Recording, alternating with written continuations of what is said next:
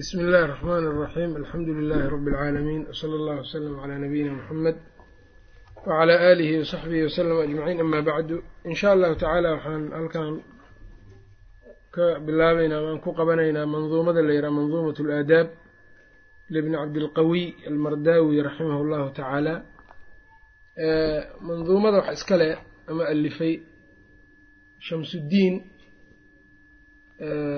moxamed bn cabdilqawiy almardaawi raximahu llahu tacaala culamaa ulxanaabila ayuu ka mid ahaa wuxuuna jiray ama yani sida ibnu rajab uu sheegay shamsuddiin ayaa laqabkiisa uu ahaa. Sanadka markuu ahaa lix boqol iyo soddonkii ayuu joogay. Xadiidka ayuu wuxuu ka maqlay khaiib khatiibi marda cuhmaan ibni khatiib ibni cabdilhaadi. Fiqiga wuxuu ka qaatay shamsuddiin ibni abi cumar iyo keyrkii luqada carabiga iyo shicirka iyo adabkana aada iyo aada ugu tafanunay. Imaamu dahabina waxa uu yidhi kaana xasana diyaanati nin wuxuu ahaa diyaanadiisu ay aada u wanaagsanayd kathiira alifaadati faa'iideyntiisuna ay badnayd. Muطarixan litakalufi weliya tadriisa asaaxibiya madrasadaas ayaa uu tawaliyey tadriiskeeda.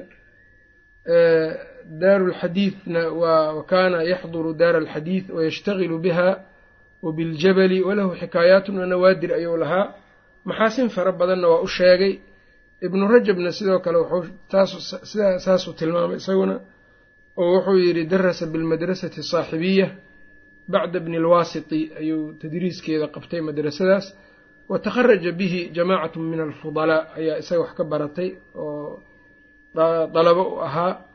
Raggii wax ku akhriyena waxaa ka mid ahaa buu leeyahy wamiman qara'a calayhi ashaykhu alcalaama taqiyuddiin ibnu teymiya raximah llah raggaasa ninkaasaa ka mid ahaa raggii wax ku akhriyay tasaaniif badan buu leeyahay fiqhiga iyo ku saabsan. Musanafkanna wuxuu ka mid yahay kutubaha uu alifay ibnu cabdilqawiy wuxuuna ku saabsan yahay aadaabta ayuu ku saabsan yahay waa laba boqol iyo dhowr beyd waaye. Laba boqol iyo dhowr beyd oo aadaabta ku saabsan. Mawduuca uu ka hadlaayana mawduuc aada iyo aada u ahmiyaddiisa leh weeyaan. Diinkana qeyb aada iyo aada u weyn ka taagan. Bal nebiga caleyhi salaatu wasalaam ba loo soo bixiyey inuu taam yeelo akhlaaqda ama aadaabta teeda wanaagsan inuu dhammaystiraa loo soo saaro loo soo bixiyey.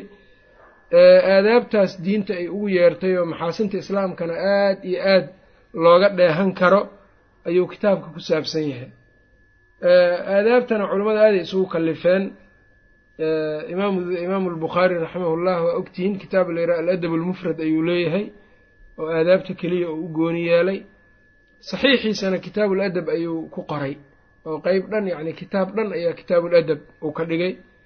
Sidoo kale aadaab culimmadii hore salafka ahaa aadaabtii rasuulka caleyhi salaatu wassalaam musanafaad iyo waxbay ka qoreen abu sheykh alasbahani raximahullah aadaabu nabiy buu leeyahay sala allahu aleyh ali wasalam aadaabtaas marka wax badan sidoo kale ibnu muflix kitaab alaadaabu asharciya walminaxu almarciya ayuu leeyahay. Aadaabta sharciga oo ugaga hadlo marka aadaabta ahmiyadda aada iyo aadka weyn bay leedahay. Kalamana maarmo oo diinka qofka muslimka waxaa laga rabaa diinka isagoo kaamila oo adraaftiisa oo dhan leh inuu ku dadaalo ee uu qaato haddii uu ictiqaadka xaggiisa aada xoogga u saaro uu ku dadaalo laakiin dhinacyadii kale aadaabtii iyo kale iyo cibaadaadkii oo kale iyo ay ka qofka uu ka maran yahay suluukiyaadkaas de qof wuxuu ku soo baxayaa nuqsaani ay ku jirta u noqonayaa. Sidoo kale hadduu aadaabtii aada u ilaaliyo ictiqaadkiina oo ka muhiimsanaana oo meel iska dhigo qaribo iyadana dhibkeeday yeelanaysaa oo nuqsaan weyn ayaa qofkaas isaga ah ku jirayso. Marka sidaa darteed culimada qaarkood caqaa'idka wax ka alifaan markay caqiidada iyo mabaaxisteeda dhammeeyaan waxay ku kamilaan aadaabta inay ka sheekeeyaan iyo salaadoo kale iyo salaadihii iyo qiyaamu leylki iyo akhlaaqda wanaagsan iyo macruufkao laysfaro munkarka layska reebay iyo ayay dabageliyaan. Nacam wax kalena ma ahane waxay sidaa u yeelayaan waxaa weeyaan in marnaba yacni inaan maxaasinta islaamka waxay ka dhex muuqanaysaa ictiqaad wanaagsan iyo aadaab wanaagsan. Ayay ka dhex muuqataa. Kitaabkan marka maadadaasu ku saabsan yahay sharax fara badanna kitaabku waa leeyahay shuruux badan buu leeyahay. Shuruuxdaas waxaa ka mid a sharxan uu leeyahay muusa bnu axmed alxajaawi asaalixi ee dhintay sagaal boqol lixdan iyo sideeddii dhintay. Sidaas la eg waxaa sharxay safarini isaguna sharax buu ku leeyahay. Tan culamada mucaasiriintana fawzan uu sharxay qasiidadan uu sharxay marka qasiidada ahamiyadaas aada iyo aadka u faraha badan bay leedahay. Taariikhda maanta waxay maraysaa bisha ramadaan toddoba ayay maraysaa kun afar boqol sideed iyo labaatan. Qaahira ayaa kitaabka aan ku bilaabeynaa marka kitaabkana waa ka aan tilmaanay mawduucaasna uu ku saabsan yahay.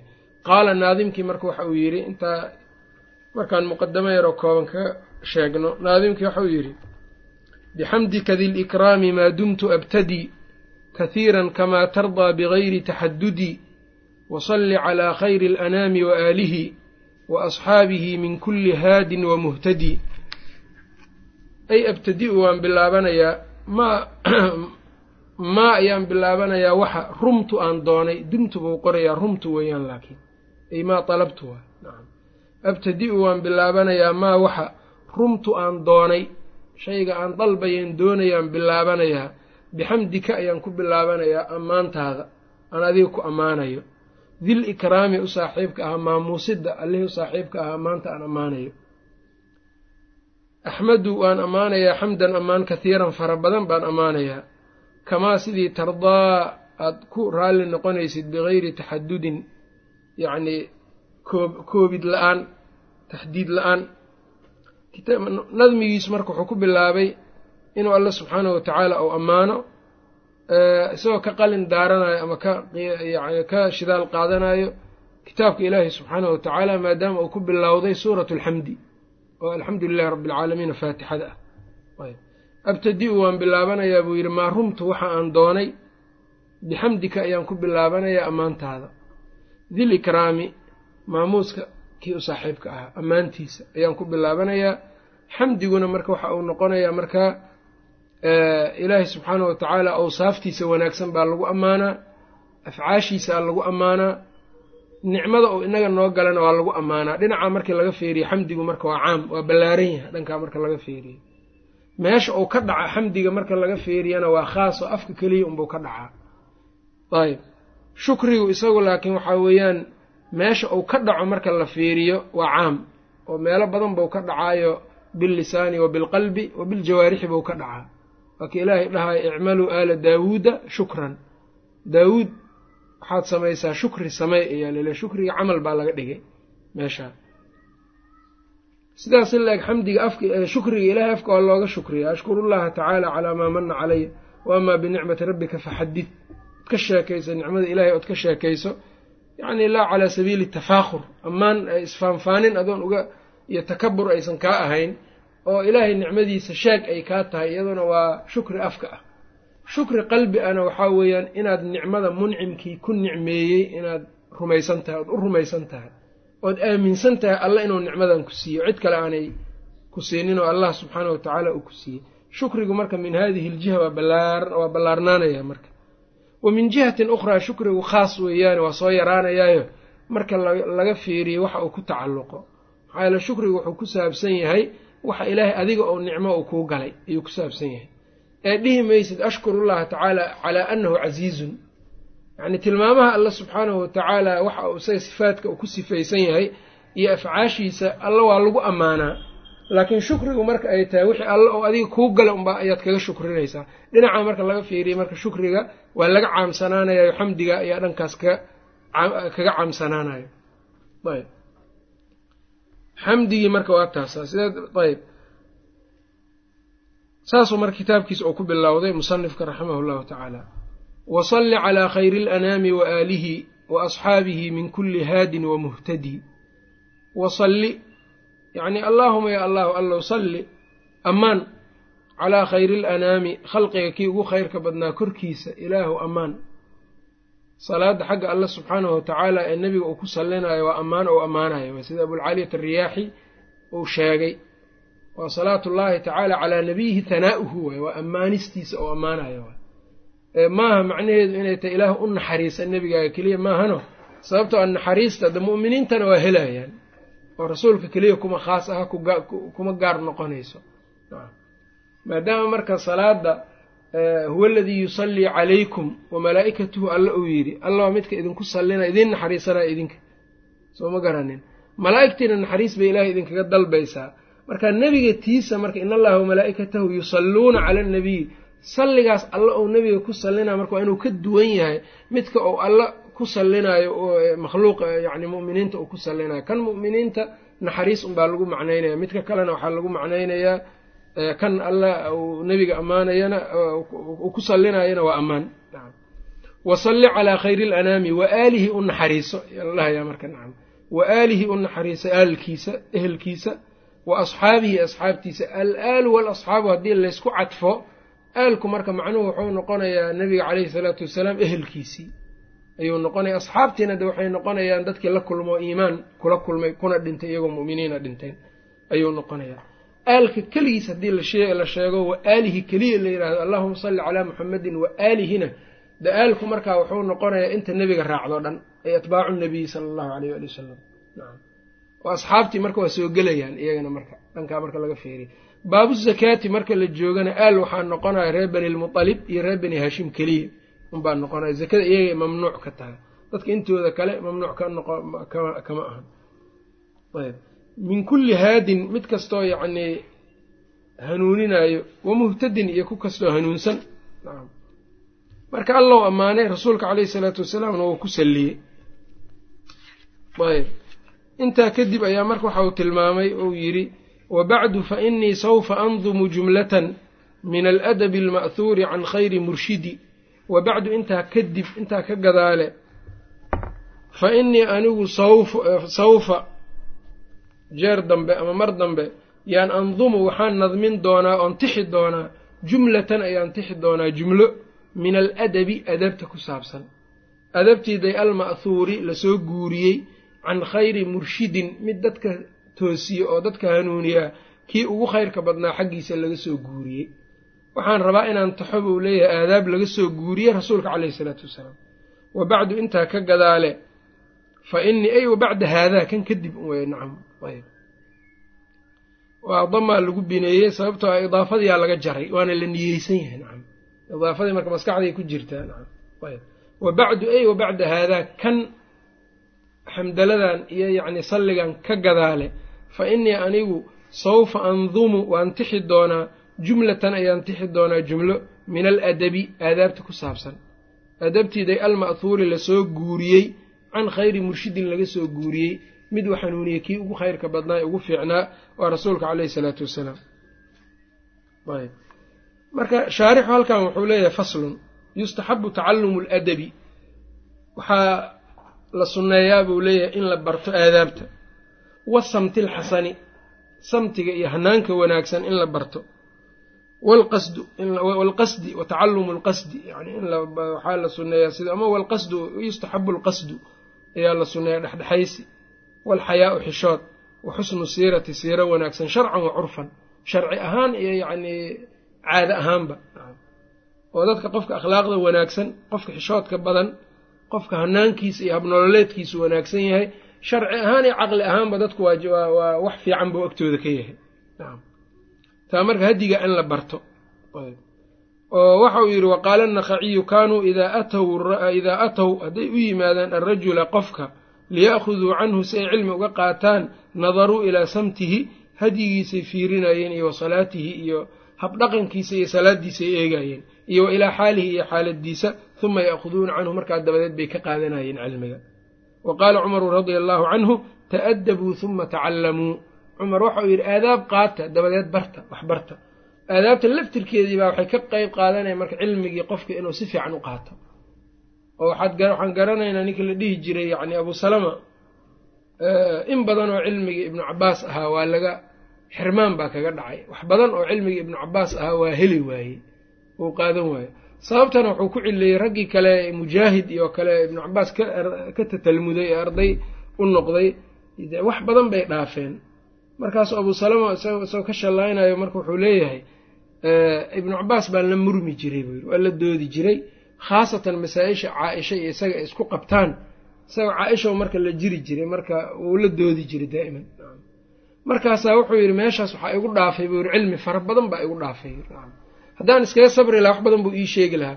Qofka bani aadamka hadduu muran badan yahay ama uu qofka la murmo maalan waxaa laga yaabaa qofkii isagoo wax fiican inuu kuu sheega rabay inuu is yiraahdo war qofkan awalba waa kula murmaya iska daaxaha u sheegan halkaas marka cilmi fara badan baa qofkii ayaa seegaya waxaa ka mid a sidoo kale waxyaabaha qofka cilmiga oo aadaabta cilmiga ay ka qeyb qaadato.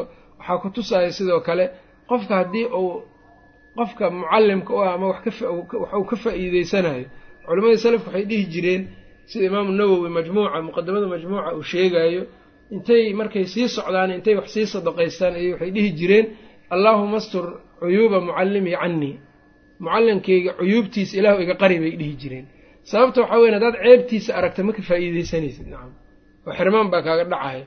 Haddii marka iyagu ay sidaa dhihi jireen haddaad adiga raarraadsato marka maxay ka waran marka nacam oo iintiisa iyo cuyuubtiisa iyo adiga oo kaa qar iyadoo kaa qarsoon haddaad raarraadsato de waxay keenaysaa inaad kanna ka faa'iideysanin kanna ka faa'iideysanin kanna ka faa'iideysanin xirmaan baa kugu dhacaya markaa nacam marka almuhim aadaabta waxaa weya su'aasha oo qofka uu dhexdhexaysto hadduu qofkii daalibka hadduu su'aashii ku dhibo macallinka waxaa laga yaabaa inuusan waxba u faa'iideyninba waxna ka faa'iideysanin wahaakadaa marka aadaab kasta oo la leeyahay daalibu cilmiga ha ku dadaalo oo aadaabu daalibilcilmi marka la qaadanayo laga hadlo aadaab kasta waxaa weeyaan cilmigii qeyb unbay ka tahay nacam.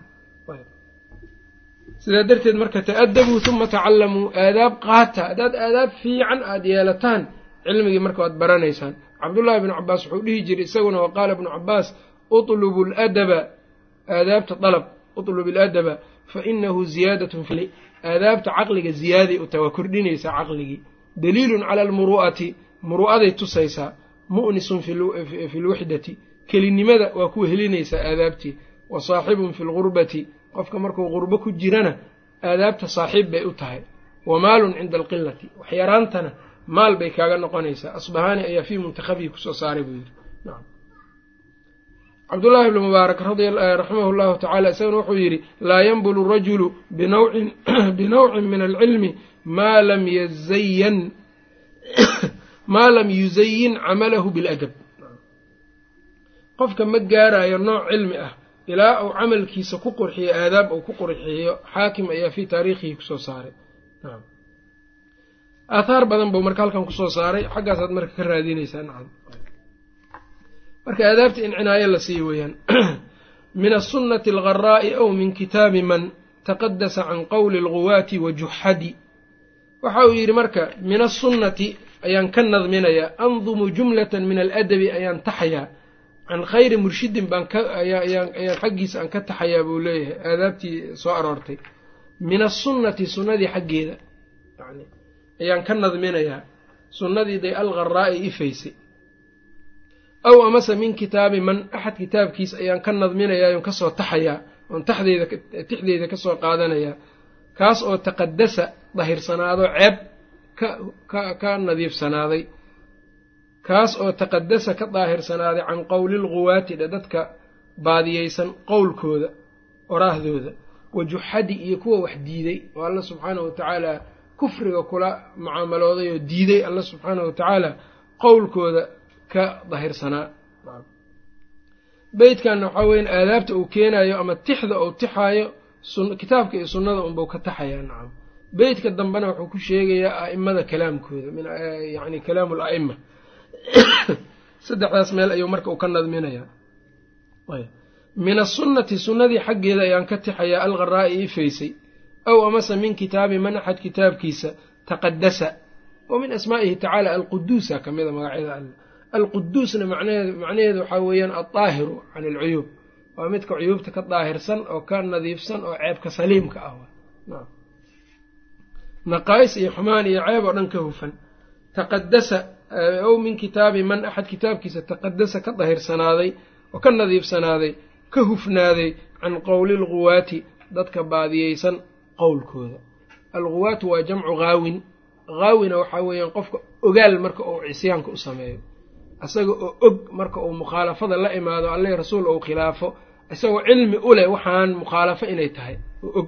Kaasaa haawi ah. Ka kale waa iska addaallu waxaa weeyaan waa midka yacni can jahlin ka ka camal falaayo.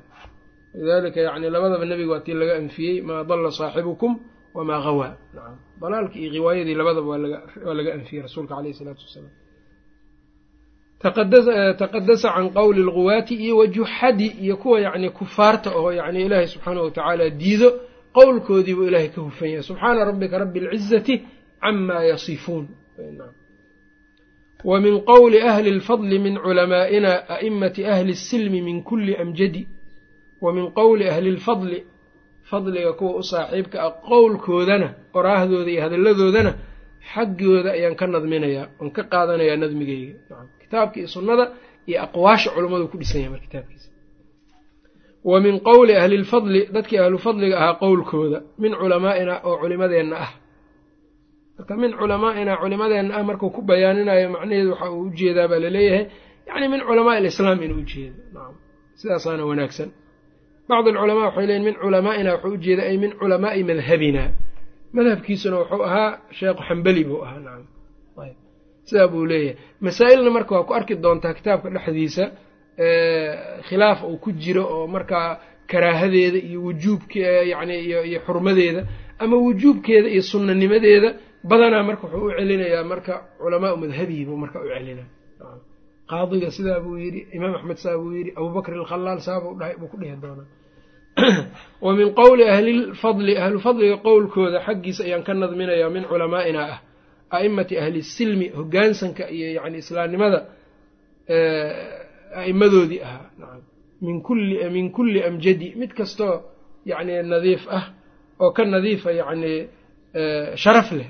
Min kulli amjadi mid kastoo sharaf leh oo iyaga ka mida. Nacam a'immadaas marka waaweyn oo ahlu silmi oo ahlulmajdi ah wa ahlulfadli iyagana qowlkooda aqwaashooda nadmigeyga waan ka taxayaa buu leeyahay markaasuu wuxuu yidhi lacala ilaaha alcarshi yanfacunaa biha wayunzilunaa fi lxashri fii khayri maqcadi lacala ilaaha alcarshi carshiga ilaahiisa waxaa xaqiiqaho ama yani aan rajaynaynaa yanfacunaa inuuna anfaco bihaa inuu nagu anfaco nadmigan kan ah. Tixdan inuu nagu anfacaan alla ka rajaynaynaa waa xarfu taraji lacala dogtiin lacala ilaaha alcarshi allaha carshiga ilaahiisa ama macbuudkiisa yanfacunaa inuuna anfaco bihaa iyada uu nagu anfaco. Wayunzilunaa uuna dejiyo wayunzilunaa inuuna dejiyo. Fi lxashri baan ka rajaynaynaa alle yani fii yowmi alxashri maalinta yani is ururinta oo aakhiro laysku soo ururinayo fii khayri maqcadi fadhi midka ugu khayrka badan. Oo jannadiiba ujeeda inuuna dejiyo. Yaan alle ugaga rajaynaynaa nadmigaan antaxayna dartiis. Ayb waana aakhira iyo wax ku marka kayd buu ka dhiganayaayo qiyaamaha marka kayd u noqdo. Xadiidkii marka wuxuu ka shidaal qaadanayaa idaa maata alinsaanu inqataca camaluhu ilaa min halaath qofku hadduu dhinto camalkiisu waa go'ayaa saddex mooyaane cilmin yuntafacu bihi cilmi lagu intifaacsado aw waladin saalixin yadcuu lahu walad saalixa u soo duceeyo iyo ow sadaqatin jaariya ama sadaqa jaariye ah. Kanna marka waa cilmi ayuu leeyahy marka maadaama ay cilmi uu yahay alla waxaan ugaga rajaynaynaa inuu aakhira nagu anfaco marka. Alaa man lahu fi lcilmi waaddiini ragbatun liyusqi biqalbin xaadirin mutarasidi. Halkan marka daalibkiiba la hadlayaayo wuxuu leeyahay alaa hooy ama taxdiid marka ay tahay. Alaa man ruux lahu ay u sugnaatay fi lcilmi cilmiga dhexdiisa iyo waddiini iyo diinka dhexdiisa ragbatun rajo ay uga sugnaatay qofkii cilmiga iyo diinka rajo ay ugu sugnaatay oo rajo ka leh liyusqi ha dheg raariciyo liyusqi ha dheg raariciyo biqalbin qalbi ha ku dheg raariciyo xaadirin joogo mutarasidin oo darban oo diyaar ahoo yacni inuu wax qaato diyaar u ah. Qalbi yani dhagaha ha soo taago qalbi xaadirana dhegihiisa ha ku soo taago qalbigaas oo mutarasidin joo yacni diyaar ah faa'iidadii inuu qaato sugaayo saa marka u diyaarsan. Kanna marka qofkiibu marka ku waaninaya qofkii diin iyo cilmi raqbo ka leh yacni nadmigan ha u dheg raariciyo biqalbin xaadirin mutarasidin. Mawcidada yacni ama waanada inay miro dhasho asbaabaha keeno ama waxyaabaha arkaanta ra'iisiga u ah ayuu ka mid yahay qalbi xaadira nacam. Alimaam ibnulqayim kitaabkiisa fawaa'idkuu ku sheegaa alfawaa'id oo wuxuu yidhaahdaa aayadda wuxuuna ka qaataa suuratu qaaf mawcido aad iyo aad u fara badan bayayay leedahay. Oo yacni wuxuu leeyahay macaad alruux waalmacaad aljismaaniyi labadaba waa lagu sheegay suuratu qaaf. Markii intaasoo waano la sheegay iyo qiyaamatu alkubraa iyo qiyaamatu suqraa baa lagu sheegay suuratu qaaf. Alqiyaamatu suqraa waa sakaraatulmowtki iyo waa. Qiyaamatu lkubraana waa lagu sheego yowma naquulu lijahannama halim tala'ti wa taquulu hal min masiid iyo waata marka suuradda ay ka hadlaysa iyo jannadii. Iyo intaas markii la soo sheega waxaa layidhi ina fii dalika lacibraa liman kaana lahu qalbun. Ina fii dalika ladikraa liman kaana lahu qalbun aw alqa asamca wahuwa shahiid ayaa layidhi waxaa la soo sheegay suuradda lagu soo dhex sheegay ladikraa mawcido iyo waanaa ku sugan oo ilaah yidhi yay ugu sugan tahay laakiin liman kaana lahu qalbun qofkii qalbi leh. Aw alqa samca qalbiga waa weelkii wax lagu qaadanayo aw alqa samca ama dhegtii riday maqalkii soo tuuray oo yacni dheg raariciyey huwa shahiidun isagoo joogo xaadir nacam yacni qalbi joogo iyo udun ama dheg yacnii taagan ee markaa inay waxba ka baxsanin u taagan taa unbaa marka waanadu ay wax dheef ku lahaataan haddii qalbigu uu maqan yahay amase qalbigii uu joogo laakiin dhegihii aysanba waxba dhegaysanayninba labadiiba marka waxaa weya waxba ka dhalan maayo nacam dhegihii hadday wax maqlaayaan laakiin qalbigii uunan xaadir ahayn uusan jooginna waxba iyadana meesha waanadaas iyo mawcidadaa lagu dheefsan maayo. Sheekhu marka wuxuu ku leehay qalbi xaadira iyo dheg markaa iyo oo diyaarsan oo waanada u diyaarsan waa in la helo. Dabcan maadadiina in la helo waa shardi nacam maadadiina in la helo weya nacam maadadii maadadii marka waxaa weya waa kitaabka iyo sunnada nacam kitaabka iyo sunnadana hore kugu soo sheegay maadada uu kugu waanin rababa oo aadaabta uu ka qaadanayo kitaabka iyo sunnada inay tahay. Marka haddii laysku helo maadadii iyo iyo weelkii wax lagu qaadanayey iyo la helo yacni qalbigiiyo xaadir ah iyo dhegihii wax dhegaysanayan marka laysku helo intafacat marka almawcidatu mawcidadii marka ama intaficat almawcidatu mawcidadii waa lagu dheefsanaya markaas. Ayb wayaqbalu nusxan min shafiiqin cala alwaraa xariisin calaa zajri lanaami can iradaa markii hore uu soo yidhi alaa man lahu fi lcilmi waaddiini ragbatun liyusqi ha dhegeys ha dheg raariciyo biqalbin ha ku dheg raariciyo xaadirin joogo mutarasidin oo markaa diyaarsan oo darban. Ayb wayaqbalu nusxan ay alaa man yaqbalu nusxan war yaa naseexo aqbalaayo. Min shafiiqin ka aqbalaayo mid dhimrin badan calal waraa khalqiga u dhimrin badan oo u naxariisasho badan. Yaa waana ka dhegaysanayuu leeya mid khalqiga u dhimrin badan oo u naxariis badan yuu kala jeedaa laba macnoba waa ku jirta inuu rasuulka u jeedo calayhi salaatu wasalaam. Maxaa yeelay khalqiga nebigu waa u naxariistaa waa yani wuu u dhimriyaa. Xadiidkii maalik ibni alxuwayrith markii ay nebigu u yimaadeen calayhi salaatu wasalaam oo ay dhowr iyo toban habeen taqriiban labaatameeye habeen meelaha ay la joogeen waa kii uu yidhi marka markuu arkay nebiga inaan aad muddo dheer la joognay oo aan ehelkeennii inaan u yacni u hilownay markuu naga dareemay wa kaana rafiiqan raxiiman buu yidhi nacam rasuulku wuxuu aha mid naxariis badan oo aad u dhimrin badan u ahaa nacam ayb marka min shafiiqin calal waraa rasuulka inuu u jeedo waxaa kaloo suurtagal inuu u jeedo isaga laftirkiisa inuu isu jeedo uu leeyahay yacnii wayaqbalu ay alaa man yaqbalu nusxan yaa nusxi aqbalaayo. Min shafiiqin ka aqbalaayo.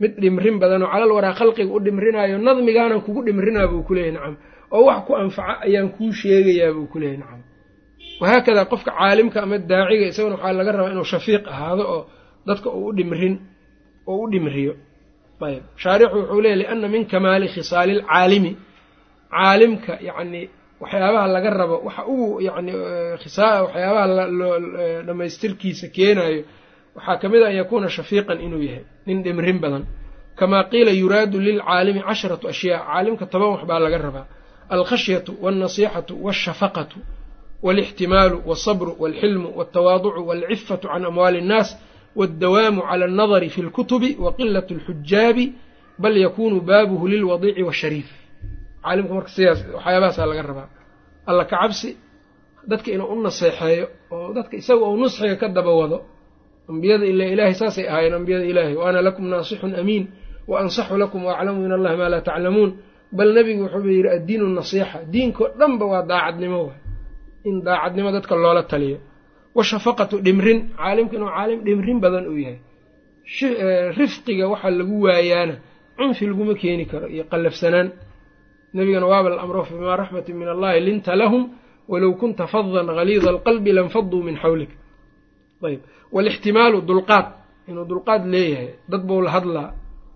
Wasabru sabr waalxilmu ayb sabarkuna marka waa dhib badan yahay nacam saddex qaybood ayuu sabarka u qeybsamaa nacam qeybta dambe alqadaa'u waalqadar ilaahay qadihiisa qadarkiisa lagu sabro iyo haddana laba u sii kala baxayso.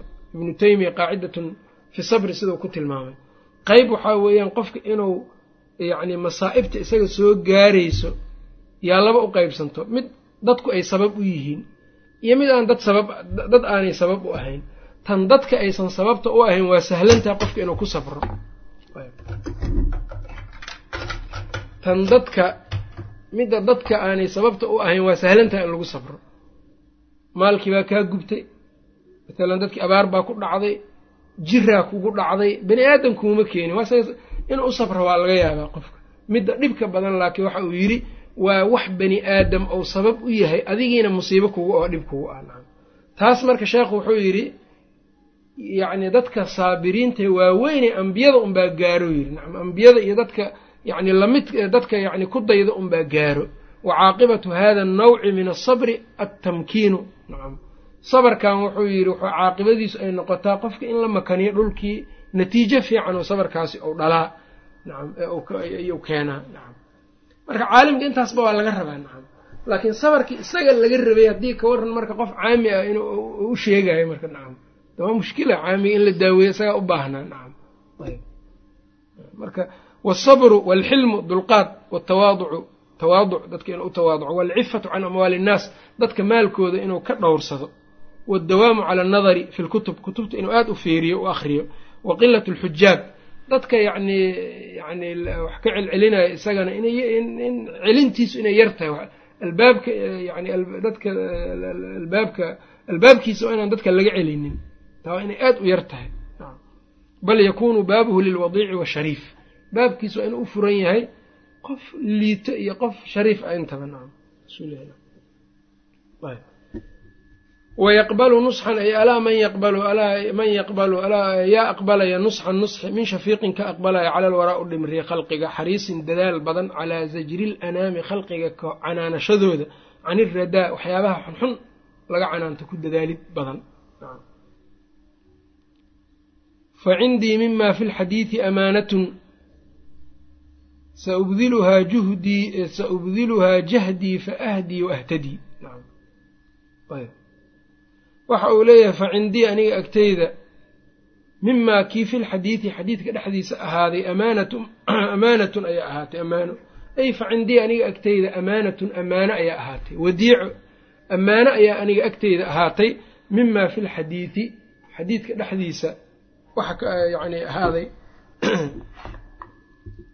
yani xadiidkii nabiga caleyhi salaatu wasalaam uu sheegay dartiis ama yacni xadiidkaas wixii ku sugnaa haddii la tix raaco fa cindii amaanatun aniga agteyda ammaano ahaatay oo ammaanadaas marka waxaa weyaan xadiidkii wuxuu ishaarayaa marka iyo aayaddii ayuu ishaarayaa man su'ila can cilmin fakatama. Qofkii cilmi la weydiiyey ee qaryo uljima bilijaamin min naarin yowma alqiyaama oo kamaa qaala sal ly slam waxaa lagu xakameeyaa xakamo naareed maalinta qiyaamaha ina aladiina yaktumuuna ma anzalna min albayinaati walhudaa min bacdi ma bayannaahu linnaasi fi lkitaab ulaa'ika yalcanuhum allahu wayalcanuhum allaacinuun yacni ammaana cilmigii wadiica iyo ammaanuu igu yahay buu rabaa inuu dhaho xadiidka arrintaa ku soo arooray yaana marka sidaa tilmaamayo sa ubdiluhaa waan bixinayaa jahdii tabartaydaan bixinayaa fa ahdii marka wuxuu yidhi waan hanuuninayaa wa ahtadii anna waa hanuunayaa oo dadkiina waxaan ku hanuuninayaa xaaladdii fiicnayd anna waa fiicnaanayaa is iloobi maayo ayuu leeyahay nacam. oo dadkii alla uu yidhi ata'muruuna annaasa bilbiri watansawna anfusakum? ma noqona ayuu leeyahay. Ayb iyo wamaa uriidu an ukhaalifakum ilaa maa anhaakum canhu. Intaa marka cilmiga dalabkiisa marka ama cilmiga yeelashadiisu qofka alla oo cilmi siiyo waa ammaano ammaanadaasna qofka waxay ka rabtaa marka inuu ka soo baxo. Sidaa darteed marka abuu hureyre iyo saxaabada waxaad ku arkaysaa inay leeyihiin mucaadi ibnu jabal xadiidkii qofkii xaqullaahi cala alcibaad. Yacni addoommada xaqa oo alla addoommada xaqa uu ku leeyahy waa inay caabudaan oo aanay cibaadada cid kale la wadaajinin.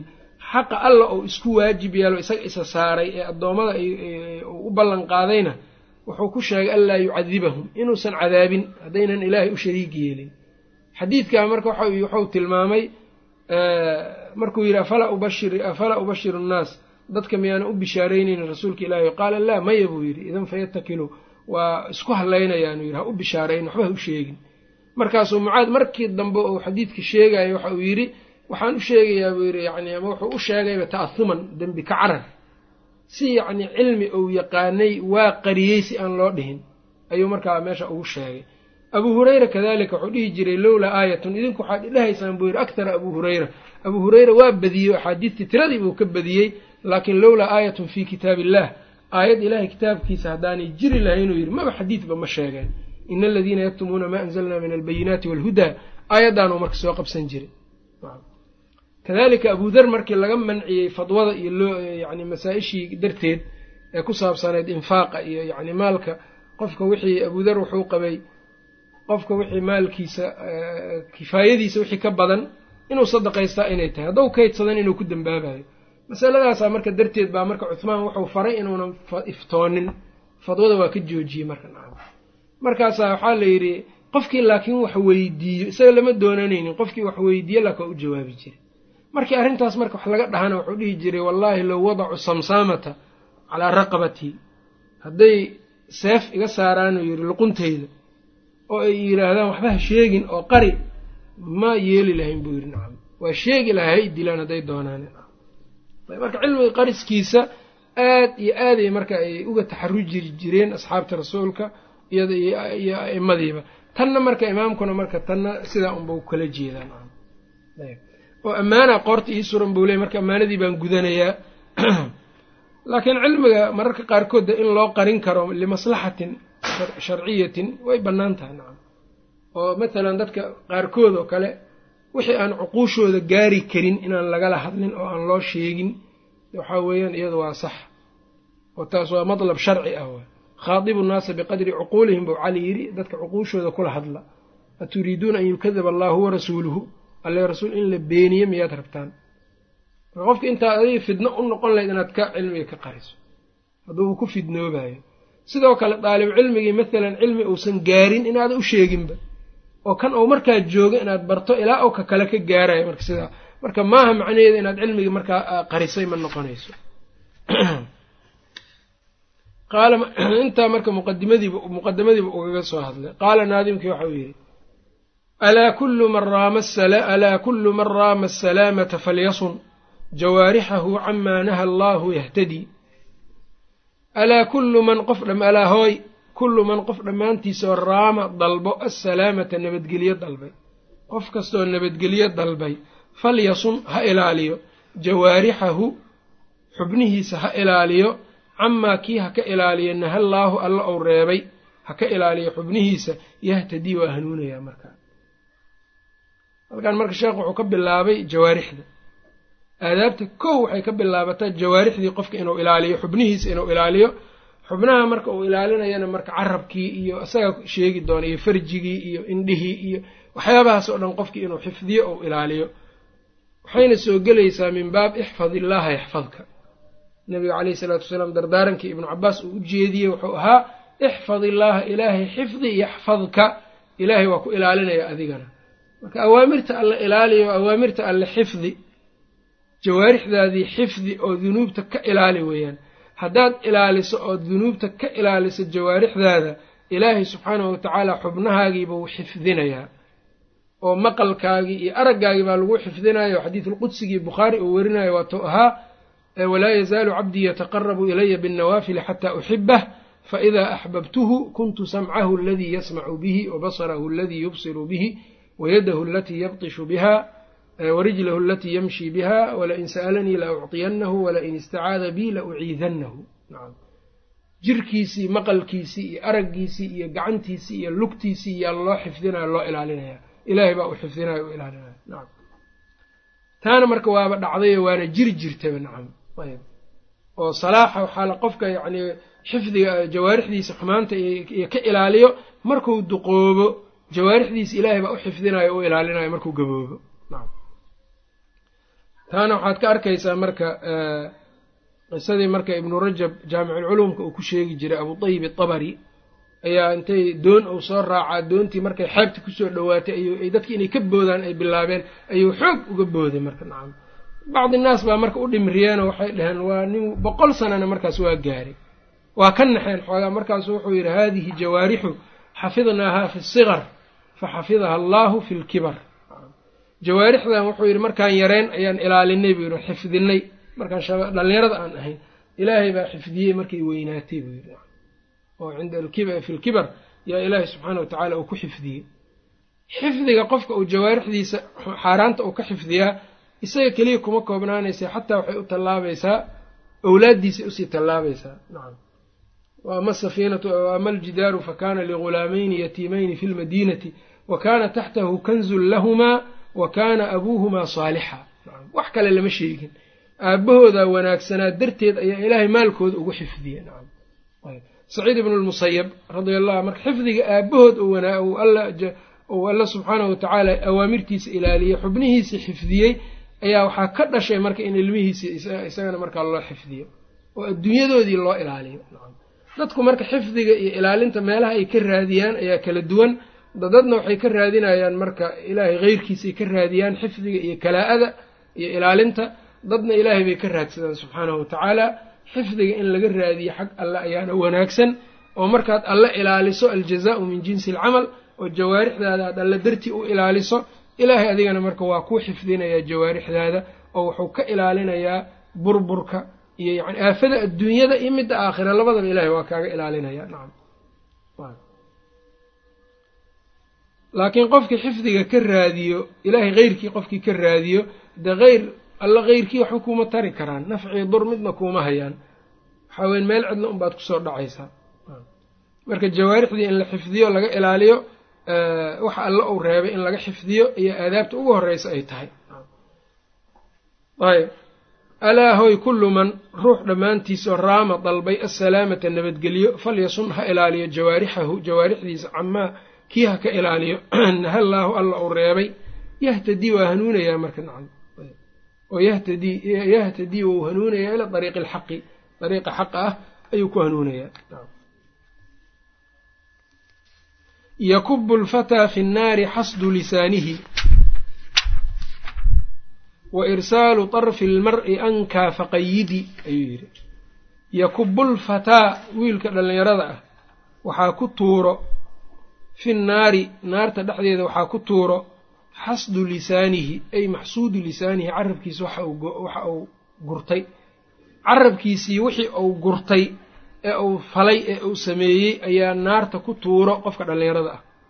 Wa irsaalu darfil mar'i qofka indhihiisa ama araggiisa ou diro ama uu yacni iska sii daayo. Wa irsaalu darfil mar'i qofka aragtidiisa uu sii daayaahe ankaa waa ka yacnii waa ka dhibaato badan tahay oo yacnii way ka cabsiin badan tahay wax kale oo dhan. Iyada ayaa cabsiin badan oo cabsiini ugu filan ee faqayid xir dabar araggaaga araggaaga iska xir oo xaaraanta ka xir buu ku leeyahay nacam. Beytkan laba laba edab buu ku sheegay aadaabta koowaad carabkiibuu ayuu ku sheegay tan labaadna araggii jawaarixdii baa laga hadlaya nacam yakubu lfataa jawaarixdan awalan waxaa loo baahan yahay. Jawaarixdan inaan ka ictiqaadino wax ilaahay noogu nicmeeyey inay yihiin. Wax ilaahay kugu nicmeeyena waxay kaaga baahan yihiin shukri. Ee inaad cisyaan ku samayso maba kaaga baahnaba asalku sidaas weeyaan. Lidalika xadiidka wuxuu ahaa kullu sulaama min annaas.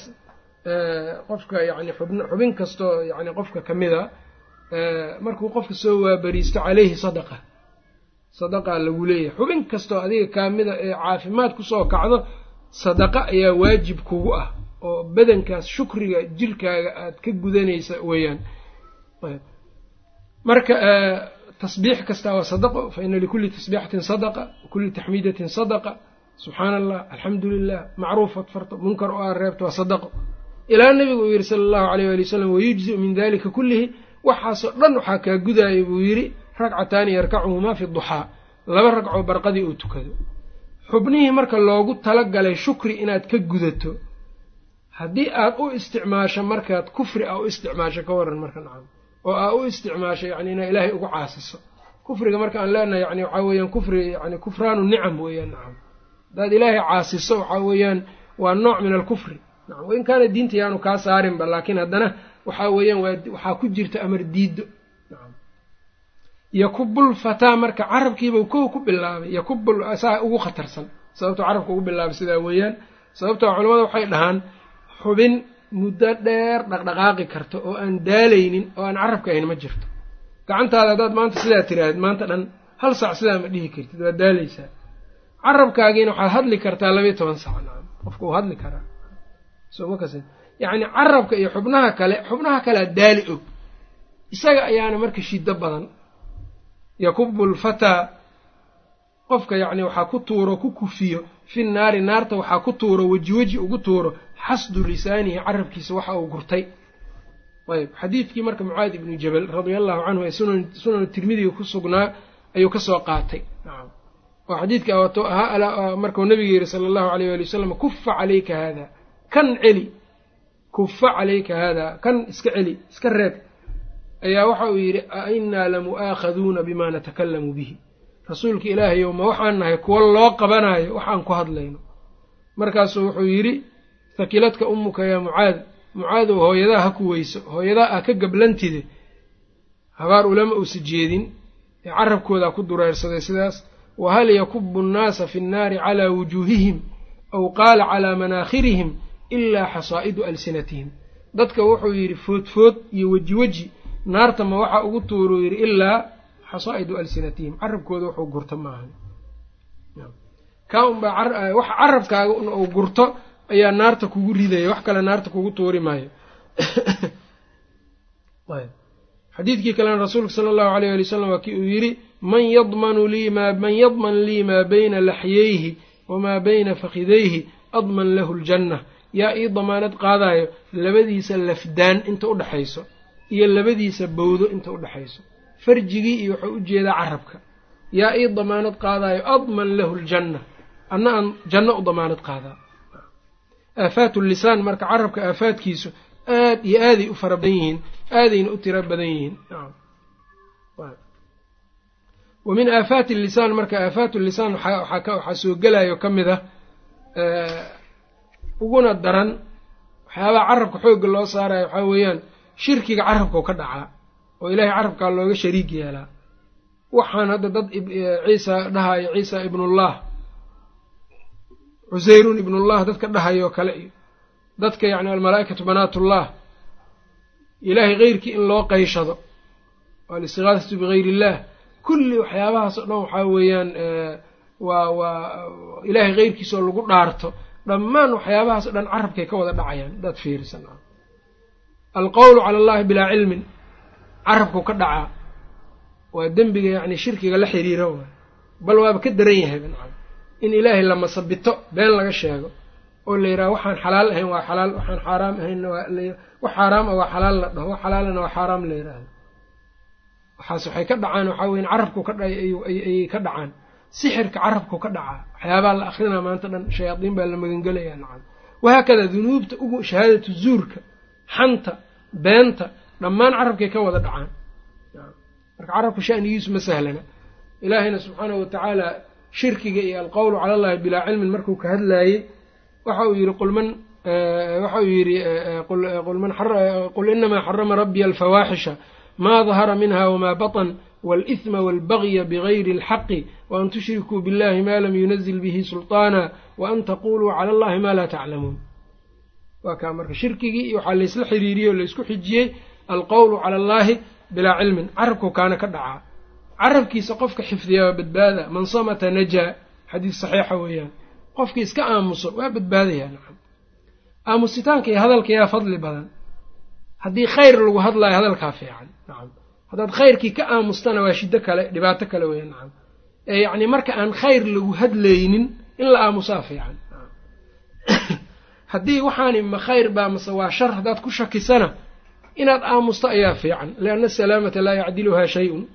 Salaamada iyo yacni nabadgelyada wax u dhigmaa ma laha waxaa ka mid a marka aafaatu lisaan qofku inuu maalaayacni iskaga daldalmo uu ku hadlo oo nebigu wuxuu yihi min xusni islaami almari tarkuhu maa laa yacniih insaanka yacnii islaamnimadiisa wanaaggeeda waxaa ka mid a inuu ka tago maa laa yacniga hadda qofka haddii islaamkiisa uu hagaagana waxaa weeyaan idaa axsana axadukum islaamahu fakulu xasanatin yacmaluhaa tuktabu lahu bicashri amhaaliha ilaa sabci mi'ati dacfin haddii adiga yacnii uu hagaago islaamkaaga hadduu hagaago xasano kastood la timaado toban ilaa toddoba boqol baa la laalaabaya. Wa kullu sayi'atin bimidlihaa sayi-a kastaana inteeda unbay la ekaanaysaa. Rawaahu muslim xadiiska muslim baa wariyey yacni islaamkaaga inuu wanaagsanaadana maxay ku xiran tahayna? Inaa maalaa yacniga ka tegtid bay ku xiran tahay. Nacam. Saasay marka iskugu xiran yihiin min xusni islaami almar-i tarkuhu maa laa yacniih oo dadka marka waxaa weeyaan maalaa yacniga waxa aan maslaxa adduunya iyo maslaxa aakhira midna aanay ku jirin qofka inuu iskaga taga weeyaan. Nacam. Waxaa ka mid a sidoo kale aafaat lisaan almadxu ammaanta ammaanta quluwiga lagu sameeyo. Waa aafaat lisaan saddex waxay leedahay dhowr aafo ayuu ka sheegay. Wafi lmadxi sittu aafaatin buu yidhi. Ammaantu waxay leedahay lix aafo. Arbacun cala almaadixi. Afar ninka wax ammaanayay saaran tahay. Wa hintaanin cala almamduuxi. Labana qofka la ammaanay. Aafada koowaad waxaa weeyaan waxaa laga yaabaa inaad ammaanta quluwi ku samayso. Ninka wax ammaanaya dhib haysta weeyaan. Wayna yeelaan dadka. Dadka wax ammaano badanaa waxaa weeyaan quluwi iyo kabadbadis. Marnaba kama marna. Quluwi iyo kabadbadis kama marna ammaantooda. Xataa kuwii rasuulkaan ammaanaynaa yidhi calayhi salaatu wassalaam nebiga in la ammaanaa waa bannaan tahay waa ka mid tahay hortiisa waa lagu ammaanay. Laakiinse wixii quluwi iyo kabadbadisa rasuulka waa reebi jira calayhi salaatu wassalaam. Sida haweentii marka nebiga tiri wafiina nabiyun yaclamu maa fii qadi waa ka celiyey rasuulka caleyhi isalaatu wasalaam inahu laa yaclamu maa fii qadin ila allah buu yidhi. Qeybka ilaahay maahna cid kale ma oga buu yidhi. Ee wixii hore un dheh buu yidhi. Soo ma garanin wahaakadaa ammaanta yacni yaa sayidinaa wabna sayidinaa markay dhaheen hadda nebiga sayidnimo feeri waayahay sayid rasuulka caleyhi isalaatu wassalaam markaasuu wuxuu yidhi quuluu maa taquuluun hadalka aad dhahaysaan dhaha ow bacda maa taquuluun ama waxa aad dhahaysaan qaar ka mida dhaha walaa yastahwiyannakum ashaydaanu shaydaan iyousa idin baadiyeynin buu yidhi maxaa yeele nebigu wuxuu ogyahay sala allahu aleyh waali wasalama ammaanta in quluwi lagu sameeyo haddii quluwi lagu sameeyaana shirkiba uu ka imaan karaa xataa waa kaa marka. Waa badantaha marka taasoo kale inuu quluwi ku sameeyaa dhici karto. Tan labaad waxaa weeyaan qofka maadixa ah annahu qad yadharu bihi min alxubi maa laa yactaqidu fayakuunu munaafiqan muraa'iya.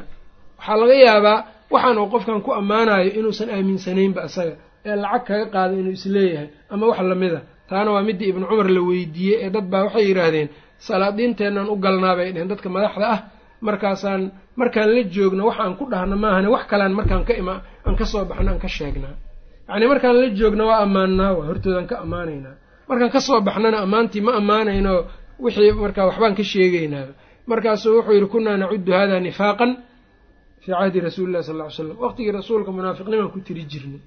Tan saddexaad waxaa weya an yaquula maa laa yataxaqaquhu fiihi. Wuxuusan hubsanin buu sheegayaa nacam. Wax aanu hubsanin ee uunan hubin ayuu iska sheegayaa qofkan wax ammaanayo. Ayb.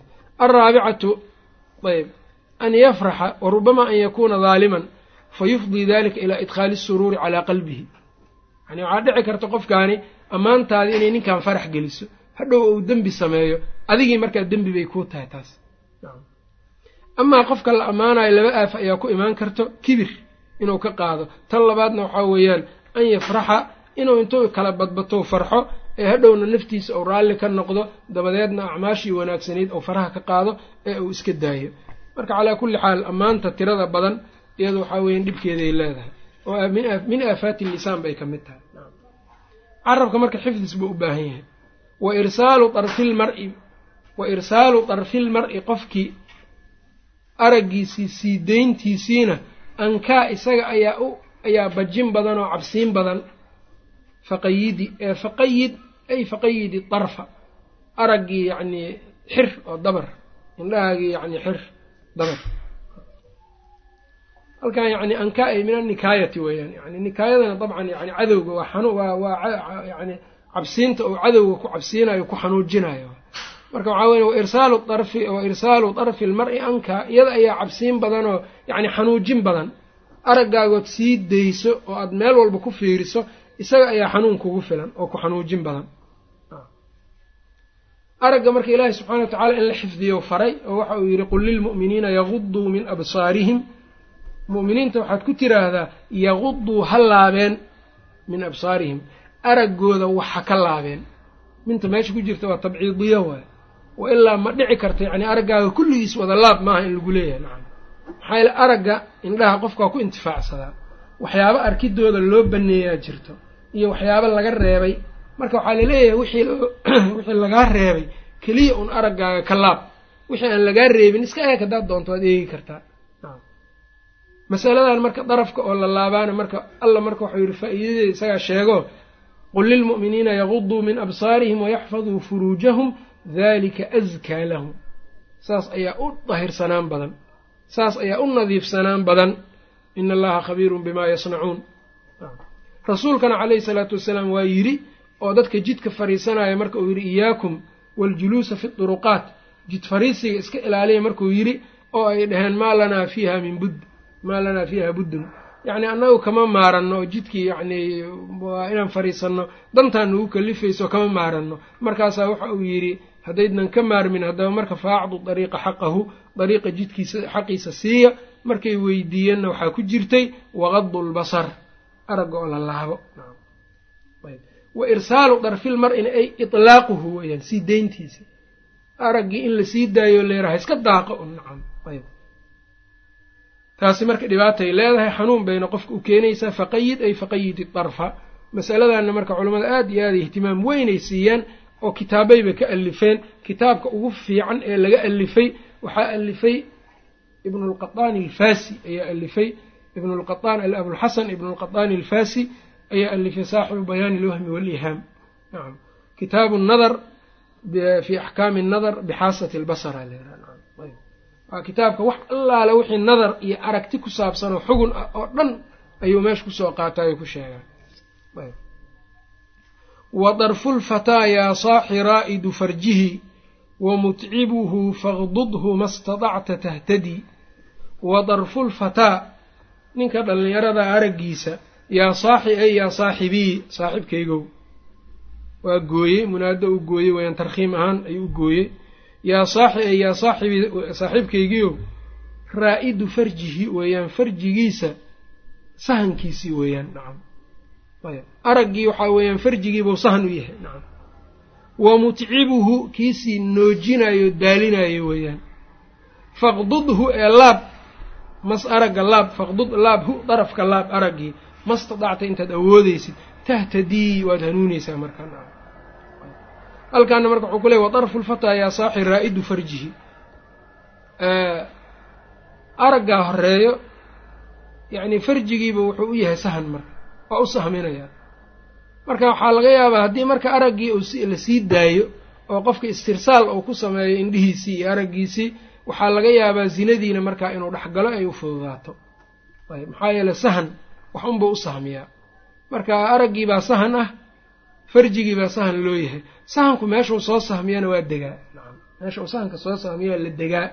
Hadhowda marka meel xaaraana haddaad farjigii dejisidna dhibaatadeedii ayay yeelanaysaa marka iskaba laab araggii iyo darafkiiba uu ku leeyahay. Marka nadarka iyo fiirmadu dhowr qaybood bay u qaybsantaa. Eegma xaaraan ah. Taa marka waxaa weeyaan waana midda hadda uu u jeedo. Annadaru ila alajnabiyati haween ajnabiyada inaad fiiriso weeyaan. Wax aad uga baahantahay iyadoo aanay jirin taasi waa xaaraam. Waana midda halkan halkan uu ku sheegaayo allana uu mu'miniinta faray qul lilmu'miniina yaguduu min absaarihim.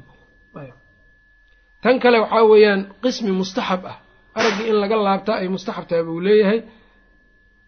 Qismi waxaan u jeedaa nadar mustaxab ah. Qofka inuu fiiriyo haween ay yacni ay sunno u tahayba waa qofka inuu markau haween rabo inuu guursado o kale inuu fiiriyaa u bannaan.